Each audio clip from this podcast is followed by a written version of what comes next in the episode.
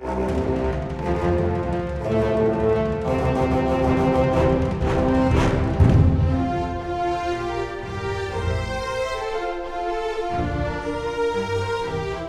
til Frankrike forklart, en podkast der du får svar på alt du lurer på om Frankrike.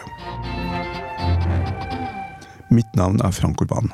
Og jeg heter Kjerstin Aukrust. I dagens Frankrike forklart skal vi snakke om det franske parlamentsvalget som foregår over to valgomganger, den 12. og 19. juni. Hvordan fungerer dette valget? Hva er forskjellen mellom det franske parlamentsvalget og stortingsvalget i Norge?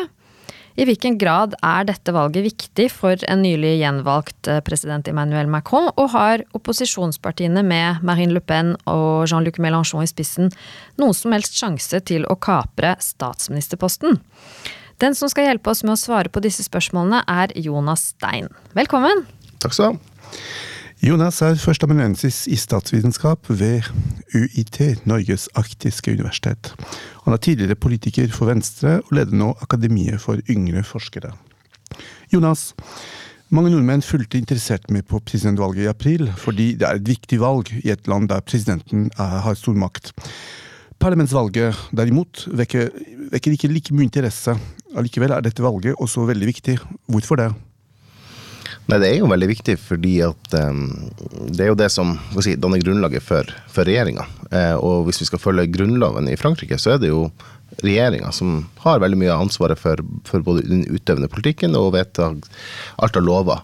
Så eh, skal Macron få gjennomført sin politikk, så er han jo helt avhengig av å ha et eh, styringsdyktig flertall i, eh, i parlamentet. Og valget det avholdes da syv uker etter eh, presidentvalget, og blir ofte omtalt som eh, tredje runde i presidentvalget, til og med. Og noen hevder at dette korte intervallet mellom de to valgene automatisk fører til at den nyvalgte presidenten får absolutt flertall eh, i nasjonalforsamlingen, som vel er 289 mm representanter, ikke sant? Ja. Men det har jo ikke bestandig vært sånn mm. Eh, at det er en automatikk. Og, og, tidligere ble jo til og med ikke disse to valgene avholdt samme år engang. Mm. Nei, man endra jo eh, Presidentperioden var jo før syv år. Og så man endra den i 2002 til å være eller Kenkina, eh, som eh, femårig president. Og da beslutta man også å legge parlamentsvalget rett etter eh, presidentvalget. Og det var for, å, for at presidenten skulle ha si sånn, større sannsynlighet for å få flertall i parlamentet. Eh, og det var vel en del presidenter som var lei av det å leve med la cohabitation. Eh, som var sånn samboerskapet mellom at man hadde en, kanskje en eh, president fra høyresida og en eh, statsminister fra venstresida, som det var i fem år før det, med Jospin og Chirac. Eh, og da eh, gjorde man disse endringene da, for, å, for å få en mer samsvar. Eh, og det har jo da de alle de pågående både i 2002, og 2007 og 2012 så, og 2017 så har parlamentet hatt samme farge som presidenten. Sånn at eh, reformen fungerte etter intensjonen? For presidenten, ja. Mm. Eh, men spørsmålet er om det eh, Det er jo ikke, det er ikke nødvendigvis gitt eh, så um, store flertall, og, og, det skjer veldig mye i fransk politikk i løpet av en periode, gjerne, og du har folk som bryter ut og danner nye partier. Eh, men det har jo blitt, man har ikke hatt la cohabitation siden da. Men det blir jo da det det da Mélenchon ønsker å få endra på nå, da, og, og få gjenopplivd myten om la cohabitation. Det er så ganske viktig å påpeke at uh, vi snakker ikke om én endring her. Dvs. Si at, uh, at valget ved parlamentsvalget kommer etter presidentvalget. De to reformene, dvs. Si at omrokeringer og reduksjon av presidentens mandat fra 87 år, de to henger sammen. Mm. slik at dagens system er egentlig ganske veldig forskjellig fra, fra, fra uh, systemet før reformen ble vedtatt i 2000, med virkning i 2002. Uh, og, og, og, det er to ting som er interessante uh, i forhold til det. det. det. ene det er jo befolkningen, altså selv franske velgere, var egentlig ganske glad i kohabitasjon. For, for dem så var det en måte å redusere, eller i hvert fall uh, uh, redusere maktgrunnlaget til presidenten på. Ved å trekke inn opposisjonspartiene, eller i hvert fall det største opposisjonspartiet. Og hvis man ser på meningsmålingene i dag, og det kommer vi tilbake til, en del velgere er jo fortsatt veldig positive til at det skal bli en ny kohabitasjon, fordi at man føler på en måte at det er et demokratisk underskudd, og at skal man få gjort noe med det, så må man ha en ny kohabitasjon. Så uh, det er interessant å se hvordan, hvordan, hvordan systemet oppfattes fra, altså fra toppen og, og, og, fra velgernes side. Uh, det er ikke nødvendigvis den samme oppfatningen. Jonas, kan du fortelle oss hvordan for Nå kommer vi til, til det konkrete innholdet. Hvordan fungerer parlamentsvalget i praksis i Frankrike? Hva er kriteriene for å kunne stille til valg? Hvordan er stemmegivningen? Mm. Ja, um, man har jo delt da Frankrike inn i 577 valgkretser. Og så er det da 555, tror jeg, i sjølve um, metropolen. metropolen. ja. ja. Og så er det litt uh, fransk, Franskmenn i utlandet har sine, sine kretser. Norge, de nordiske landene sammen med Baltikum og Storbritannia, er det vel? tror jeg. Um, og så velger man da uh, i første omgang så velger man, uh, har man flere kandidater. Uh, og så går da alle som får mer enn 12,5% av de registrerte velgerne. Ikke sant? Så det vil si at hvis du har 50% valgdeltakelse, så må du ha mer enn 25% for å komme med til andre runde. Ja, og da kommer alle da som har fått mer enn 12,5% av de registrerte velgerne, kommer til andre runde. Men det skal være minimum to i andre runde. Sånn at hvis ingen får mer enn 12,5, så blir det likevel to som kommer videre. Med mindre noen har fått mer enn 50% For da kan man vinne etter første valgomgang? Man kan vinne etter mm. første, første valgomgang. Det er teoretisk mulig. Mm. Men det, ja, det, skjedde vel noen ganger sist i forrige runde, men, men sånn som valgdeltakelsen ser ut nå, forrige gang var det 48% i første runde. Så det vil sannsynligvis bli andre runde i veldig veldig mange valgkretser. Mm. Fordi valgdeltakelsen er spådd å være historisk ja. Eh, lav, ikke ja, sant? Ja, det, det, det, merker jeg. Jeg kommer fra, fra Paris nå. Jeg har vært jeg, eller jeg er gjesteforsker på, på, det som heter Sciences Po. Eh, og, og, det er jo nesten påfallende hvor lite altså den valget egentlig preger fransk, Frankrike. da. Hvor lite det interesserer velgerne? Ja, ja og så hvor lite du ser liksom av poster. Altså. Mm. Mm. Ja, det, det, kan forstås ved at man har hatt en lang periode med covid, og så har man, så har man vært redd for uh, krigen i Ukraina, og så har man hatt to omganger med presidentvalg. Så folk begynner å bli ganske lei, egentlig, og oppgitt. Uh, så, men vi snakket om tallene. ikke sant? Hvis man Uh, se på de 577 mandater, så er det 558 mandater for metropolen. Mm. Det er åtte mandater for ut, jeg elsker å si ordet, Utashars territorier. Og det er elleve mandater for franskmenn bosatt i utlandet. Uh, og det kan vi komme tilbake til senere, men det er ganske spennende at også franskmenn bosatt i utlandet får sin representant ved nasjonalforsamlingen. Mm. Og noen av dem har vel begynt å stemme allerede? Ja, Det er det som er helt uh, fantastisk. for at, uh, vi, vi, altså vi, vi, sa at valget foregår altså 12. Og, og, 19. juni, men i virkeligheten så er det tre forskjellige datoer. Mm. Hvis du bor i Frankrike, mm. hvis du bor i de territorier, eh, eller hvis du er bosatt i, i, i utlandet. Og På samme måte så, så, er det hvordan du kan stemme. Hvilke mekanismer som styrer på en måte valgsystemet er forskjellig om du bor i Frankrike, om du er bosatt i utlandet eller i ytterste territorier. Mm. For at det skal bli enda klarere da for lytterne våre, så kan det jo være interessant å, å, å, se litt på forskjellen mellom det franske parlamentsvalget, som er et eh, såkalt eh, flertallsvalg, scrutin majoritaire, og det norske stortingsvalget, som er et forholdstallsvalg, som på fransk heter scrutin proporsjonell. Kan du forklare hva som er forskjellen mellom disse to valgsystemene? Mm. Ja, altså hoved, Med et forholdstallsvalg som, eh, som vi har i Norge, så er ideen at det skal være enkelt for velgeren. Du, du går og stemmer på, eh, på, det partiet du er si, mest enig med. Og hvis eh, Arbeiderpartiet får 25% av stemmene, så skal de få omtrent 25% av representantene. Eh, og, og, det blir liksom ut, Derfor har vi utjevningsmandater, men sånn hovedsakelig. Og det gjør at du får et veldig sterkt samsvar mellom, mellom eh, antall stemmer, første prioritert, og hvordan parlamentet ser ut. Mens eh, det, det det kan føre til, da, er da at du får sånn som i Norge, du har ti forskjellige lister inne, inne i, i, parlamentet, og man mener liksom at, at eh, det skal være ustyrlig. Så har man da et, um, flertallsvalg i enkeltmannskretser, som i, i Frankrike. Eh, og, og, da er jo ideen at um, du skal få et, um, et klart flertall. Ikke sant? Altså, sånn at Macron-partiet, da het de La Marche, ved forrige valg fikk 32 av stemmene men endte likevel opp med 60 av Le Député-representantene. Så Macron fikk et, da, et klart flertall, for han hadde fått flest stemmer. Um, og det da skal gi mer styringsdyktighet, er jo det som blir vektlagt i, i den type modellen. da.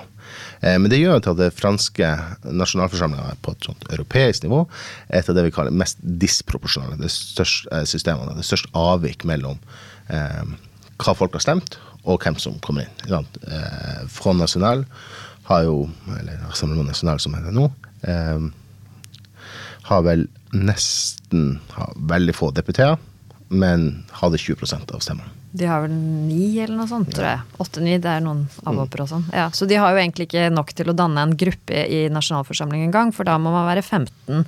Og det har litt å si på taletid, mm. eh, økonomiske fordeler osv. Så, videre, så Men ja, det kan jo hende at det endrer seg eh, nå, da, selvsagt. Det skal vi komme tilbake til. Eh, du, du, snakket om forskjellen mellom de to systemene. Og når man omtaler det franske eh, eh, valgsystemet knyttet til parlamentsvalget, så snakker man veldig ofte om et form for demokratisk underskudd. Men, men, Jonas, dette har jo eh, historiske årsaker. Hvor, hvorfor oppsto et system, eh, hvorfor vedvarer et system som oppfattes som antidemokratisk av mm. de aller fleste? Mm. Altså, da går vi tilbake til republikkene i, i Frankrike. Um, og det kom jo som en, en, en, en, reaksjon etter den fjerde republikken som man hadde etter, etter andre verdenskrig. Og de Gaulle kommer tilbake og redesigner grunnloven. Uh, og da hadde du et veldig proporsjonalt system. og Det er veldig mange forskjellige ministre, og det bytta statsministre hver altså syv-åtte måneder. ikke sant? Pierre Mendes France, som liksom, mange tenker som stor statsminister og statsmann, som han var, var jo faktisk ikke president mer enn Nei, statsminister eller president du kan si, mer i syv måneder, var han vel. ikke sant? Så du, du har et system som du får en reaksjon på det. De Gaulle designer systemet en sterk president som skal ha en ganske lydig nasjonalforsamling, og ikke ha alle de partiene, ikke alle, alle fløypartiene som skal inn. Og du skal ha et valg mellom rød og blå side sånn to hovedstyringspartier. Eh, og det fungerte ganske, si, ganske, bra i Frankrike og i mange år, men, men nå eh, knaker det jo virkelig, vil jeg si, i sammenføyningen.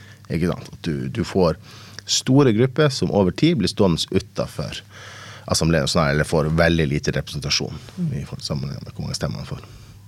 Er det sånn at uh, man kan si at det norske valgsystemet er bedre enn det franske akkurat på det punktet der?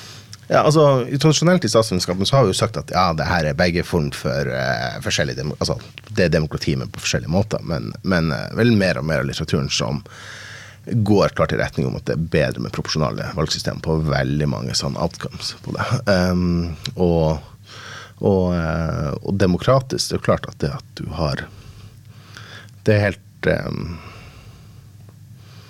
det er veldig krevende at det er store grupper som blir stående utenfor mm. demokratiet i lang tid på det. Mm. Eh, og det at de da har en si, vei inn i, i Norge, om det er eh, på eh, at du kan stille til valg og du deltar i demokratiet, gjør jo at du får en større oppslutning rundt demokratiet. Det er jo ikke uh, oh, uh, Det er jo en av de landene som er mindre tilfredsstilt med demokratiet i Frankrike. Når, når man følger med på ulike presidentvalg eller parlamentsvalg, så kommer det alltid noe forslag om endring, hvor man skal endre systemet. Og i, løpet av forrige, eh, eller årets presidentvalgkamp så eh, ble det tatt opp igjen. Da, da foreslo man f.eks. å eh, ha en større andel av forholdstallsvalg sammen med flertallsvalg. Man, man snakket også om å få gjort noe med kanskje med de to omgangene. At man, at man skal ha bare én omgang istedenfor to. Uh, så man, man, man leter etter, etter, etter, veier ut av dette demokratiske underskuddet. Eh, en annen ting som blir nevnt, men som ikke har ting med dette valget å gjøre, er jo selvsagt større bruk av folkeavstemninger, som også kan genereres av Og det, er jo, det har noe med parlamentet å gjøre. Enten befolkningen selv eller av eh, medlemmer i nasjonalforsamlingen som skal kunne på en måte trigge en folkeavstemning. Og ikke, at det ikke bare skal være presidentens eh, myndighet som kan eh, bestemme om man skal ha en folkeavstemning eller ikke. Så det diskuteres, men frem til nå, etter 70 år, så har man egentlig ikke gjort noe med det. Mm. Du, snåde, du sa det i stad, Jonas. Det franske valgsystemet det er altså enmannskretser eh, og to valgomganger. Noe som tvinger partiene til å inngå eh, bredere allianser. Da. Eh, kan du si litt om det? Ja, og det er jo en av de store nyvinningene nå ved, ved denne runden, er jo at eh, man for første gang på lenge siden har klart å samle venstresida i eh, NUPES, som det heter, Nouvelle Union Populaire Ecologique sosial, mm. ja, som egentlig er sånn eh, initiativ fra Mélenchon La France Insoumise. Eh, og det var jo også stor debatt i Sosialistpartiet om skulle man være med på, på dette, men, men, de hadde kanskje ikke så mye valg. Eh, men det har jo gjort at du da de seiler opp da til å kjempe med Macron-partiet eller Ensemble eh, om å være det største partiet etter første runde. La, ja, fordi at uh, Ensemble det er jo da et nytt navn som har dukket opp, som også er en allianse. Mm. Eh, som består av uh, Macrons eget parti, og så er det Modem, som var de mm. allier, hans uh, nære allierte allerede, allerede ikke sant, Francois mm. Barrault i 2017. Så har du um, det lille rare partiet Horizon, som er Unnskyld at jeg kaller det rart, men det er det nye prosjektet til tidligere statsminister Edouard Philippe som, eh, som ja. kanskje mm, peiler seg inn på et eh, presidentvalg i 2027. Og så er det Agir, som er også da et lite mm, parti som mm. tilhører høyre fløy i, i Macrons parti. Og Macrons parti eh, har jo også bytta navn siden sist. Det heter ikke La République en Marche lenger, bare for å gjøre forvirringen komplett. Det heter Renaissance. Sånn at eh, ja, man skal holde Med flere underpartier. Med flere underpartier, Både altså. med en venstrefløy og en høyrefløy ja. innad i partiet. Man skal holde tunga rett i munnen her. Men du nevnte jo NUPES som på en måte er det mest interessante eh, kanskje ved, mm. ved dette valget. Og det består av uh, La France Insoumise. Mm. Parti Sosialist, som du nevnte, mm. og Parti Kommunist. Mm og eh, De Grønne. Mm. Eh, Europe Ecology mm. Lever. Har du noe eh, tro på dette nye samarbeidet? Altså Det som er ideen, da, er jo at de da har fordelt kretsene mellom seg. Eh, og det, er, det mye eh, debatt også da internt, og lokale helter som føler seg forbigått i, eh, på det. Og sånn spesielt når du har en sånn partisosialist som har vært det store partiet. og har hatt mye både styring i departementer og ordførere rundt omkring, som nå blir litt sidesatt for at La France SMI får, var størst og fikk ganske mye flere eh, kretser. Eh, men det gjør jo at de fire partiene sannsynligvis får, som du sa, de får danne partigruppe. Sannsynligvis, da. At de blir store nok, da, for de har da sin krets som de får. Eh, så det jo, det ser jo ut til at de klarer, også klarer å bli større enn eh, Rassemblement National. Eh, for de klarte jo ikke å samarbeide med sin mor. Eh, og, og, da får du at veldig mange av valgkretsene kommer til å bli enten Macron-partiet mot eh, NUPES, mm. som gjør at de kommer til å vinne en god del. Det, det så du allerede ved første omgang av valget ja. for franskmenn bosatt i utlandet, hvor i ti av elleve ja. eh, valgkretser blir det en annen omgang mellom, eh, mellom mm eh, Macrons parti og allierte og, og, og NUP eller NUPES. Det er uenighet for, for så vidt hvordan man skal uttale NUP eller NUPES. Men, mm. Men så det, det, det, virker sånn det virker. Mm. For venstresiden. Ja, og, og høyresiden, Le Républicain, de har jo heller ikke klart å danne noen allianser, Nei. så de står alene. Rassemblement National står alene. Reconquête eh, står alene. Og, og, derfor så ligger det jo an til at venstresiden eh, blir den største opposisjonen da, til, til Macron. I motsatt Altså, det var jo ikke tilfellet da i 2017. Høyresiden har en liten allianse sammen med UDI. Ja, unnskyld. Men de er så små at det, det, det, man kan knapt kalle det for en allianse. Men det kan være viktig hvis eh, Macrons parti ikke skulle få flertall. Mm. Ja, altså det, og, det, og, det, kan jo være eh, det som er eh, Det vil jo ikke slå likt ut da, i alle valgkretser. Eh, I noen valgkretser så vil det jo plutselig altså, eh, Frank sa jo helt riktig, altså franskmenn i utlandet har stemt enten Macron eller eh, NUPES. Mens mange steder i oppe i nord og i Sør-Frankrike så kommer det til å enten være Jeg står liksom enten Le Pen eller de tradisjonelle republikanerne står, har sterke kretser med sterke lokale kandidater som, som fort kan komme til en andre runde. Og du kan jo noen tilfeller få en sånn det kaller for en triangulær. At det er tre kandidater som kommer til andre runde, og da er det litt usikkert hvordan ting vil slå ut. Mm. Eh, men jeg må si, vi hadde jo en episode før, eh, før, presidentvalget som het eh, 'Er den franske venstresiden dømt til å mislykkes?' Mm. Og da svarte vi jo ja og ha. Men nå må jeg si at litt, litt grann imponert over at de klarte å legge til side eh, uenighetene sine, og har kommet faktisk med et politisk program på 650 punkter, hvor, de bare, hvor det er uenighet kun om, om 33. Selvfølgelig, noen av disse punktene er veldig viktige, som atomkraft og EU og sånn, men allikevel så ser ser man jo at det er en ganske bred enighet om mange sentrale politiske spørsmål. Og at venstresiden, som har vært så splitta så lenge, har fått til det. Jeg syns eh, det, det mm, imponerte meg litt. Jeg, jeg, deler ikke helt din begeistring, fordi at uh, hvis du ser litt nærmere på det, så er det allerede gnisninger innad i alliansen mellom f.eks. kommunistene og, uh, og, medlemmer av Mélenchons parti. Og så er det en valgallianse. Det, altså, det, det, er kun en valgallianse. Eh, og, og, og, når man beregner på en måte resultater resultatet for de ulike partiene, så, så, ikke, så, beregner man ikke et felles resultat, man ser per parti. Så, uh, men, men, men, som du påpekte, Kjerstin, ingen kunne forutse før valget at, at, at omfanget av Mélenchons seier skulle bli så klar så klart at, at, at, at, du kan kalle Kommunistpartiet og Sosialistpartiet for restpartier på venstresiden. Så maktgrunnlaget på venstresiden har jo endret seg dramatisk mm. i retning av Mélenchon.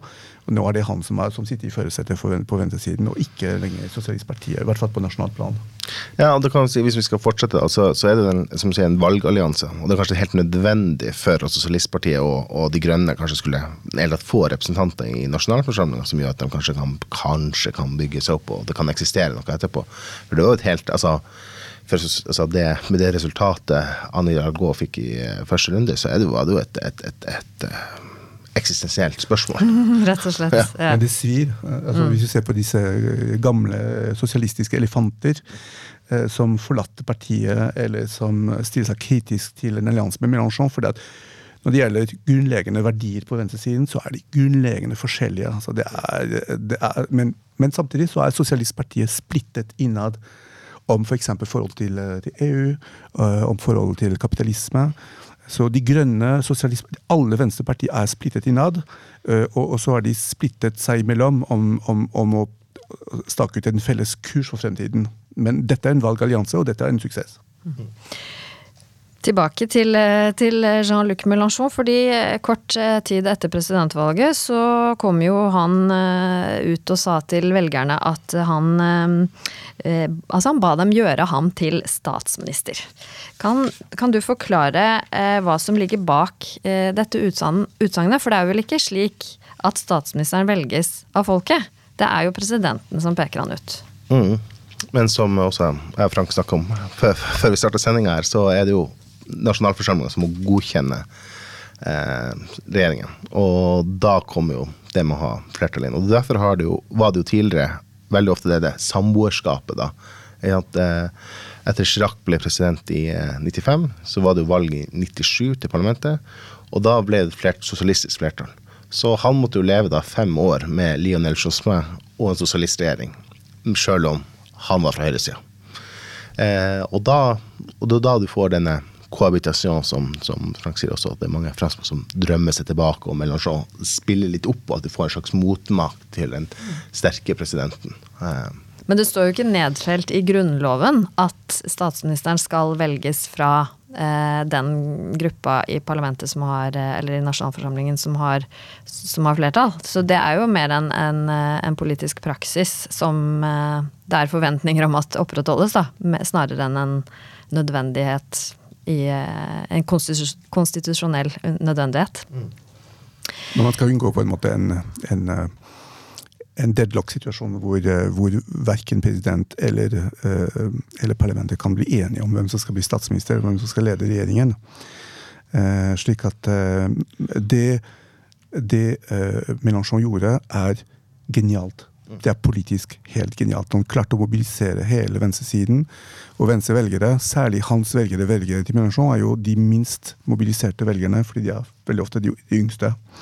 Så ved å, ved å, komme opp med den ideen om å, å, å bli utnevnt til statsminister, så, klarte, så, klarer han, og det, det, ser man i meningsmålingene, han klarer å mobilisere sine velgere. Det er genialt. Men, uh, men, det er ingenting som tilsier i Grunnloven som du påpeker, Kjerstin, at dette kan bli resultatet. Og Macron har gjort det helt klart at han aldri vil utnevne Mélenchon til statsministeren. Det kan føre til at venstresiden, skulle venstresiden vinne eh, Det ser ikke sånn ut i dag. for Hvis man ser på meningsmålingene eh, Ensemble kan få mellom 275 og 315 eh, mandater. Nupes Nupe kan få mellom 160 og 200, og høyresiden kan få mellom 30 og 55 mandater, mens Nasjonal Samling mellom 20 og 55. Så muligheten for at Mélenchon blir utnevnt til statsminister, er, er minimal. Eh, men, men, eh, men, det er første gang det gjøres, og det er et genistrek fra, fra hans side. Det, det, fungerer jo åpenbart som, som, mobiliserende, mobiliserende kraft. Da. Eh, og jeg tror at da, i en teoretisk situasjon Nå ser det mest sannsynlig ikke ut at NUPES får, får flertall. Eh, men det ville jo satt Macron i en veldig vanskelig situasjon. Mm. Jeg, jeg, tror han hadde, jeg tror han hadde vært nødt til å måtte om ikke prøve å utnevne en statsminister som man kunne levd med. hvert fall. Og, Vi har ikke snakket om Marine Le Pen, men det er jo det samme med Marine Le Pen. Altså, Marine Le Pen har virket helt demotivert i dette valget. Men muligheten for at hun skal kunne bli statsminister, er jo lik null. Uh, enda mindre sannsynlig faktisk enn at Mélenchon skulle bli statsminister. Men hun, hun, sier jo heller ikke det selv, da. Hun mener jo at eh, Mélenchon eh, lever på en sky, holdt jeg på å si. At han ikke har noe fotfeste i det, i det utsagnet kommer allerede på, på, slutten av vårt program. Eh, og på slutten av hver episode ber vi vår gjest om å komme med en fransk, frankofon, frankofil anbefaling. Eh, hva er din anbefaling til våre lyttere, Jonas? Mm, ja, um, det du som bor i Paris. Ja, akkurat det. Og, og først så tenkte jeg egentlig på at det er en, en ting som, som um, um, slår meg nå, nå, nå. er min familie, mine barn, på vei ned. Og, og det at Paris er egentlig utrolig fint med barn med park, det er utrolig mye gode parker og mye, mye grønnere by enn det man egentlig ser for seg. For man har kanskje reist til Paris når man er, er 20-årene og student ikke sant, og levd det type liv og på, står på museene og alt det der. Mens egentlig en utrolig fin by, og man har vært veldig flink til å tilrettelegge for barna. Eh, men, men, hvis jeg skal ta en sånn litt mer eh, klassisk anbefaling, så eh, leste jeg en bok her for noen eh, av en som heter Alice Setner. 'L'art de perdre', 'Kunsten å miste', som var en ble oversatt norsk. Som var en veldig flott bok om, om um, det å Den fransk-algeriske historien om, om, som ung kvinne å vokse opp uh, med da to, to bein i Altså ett bein i hvert sitt land, og, og, og gå tilbake i familiehistorien. Så det er en god, god bok å kose med i sommermåneden. La du Pedra kunst om å miste, som så kan oversettes med kunst om å tape. Og da har du en kobling til valget, faktisk. Kjerstin, har du også en eh, liten anbefaling? Ja, og det er en kobling til valget, det òg. Fordi jeg vil gjerne anbefale en podkast fra France Info som heter Entre les lignes. Mellom linjene, betyr det. Det er en daglig podkast på tre til fire minutter der journalisten Clement Viktorovic analyserer ulike retoriske grep som tas i bruk av eh, franske politikere og andre aktører i den offentlige debatten i Frankrike. Så en litt annerledes politisk eh, podkast altså, som er veldig interessant. Veldig bra. Takk for det. Da gjenstår det bare å takke vår gjest Jonas Stein, så høres vi igjen i neste episode av Frankrike forklart. Au revoir! Frankrike forklart er et samarbeid mellom Universitetet i Oslo og Høgskolen i Østfold. Podkasten er støttet av Det norske universitetssenteret i Paris og Institut Francais i Oslo, og har full redaksjonell frihet. Abonner på Frankrike forklart på iTunes, Spotify eller på andre plattformer der du lytter til podkast. Har du kommentarer til oss eller forslag til temaer vi bør ta opp, kan du sende inn det via vår Facebook-side Frankrike forklart. Alle dagens referanser ligger på denne Facebook-siden og på nettsiden vår. Vi skriver en kronikk i forbindelse med hver episode som belyser dagens tema fra en litt annen vinkel. Kronikken finner dere på forskning.no, Transitmagasin og på nettsiden vår.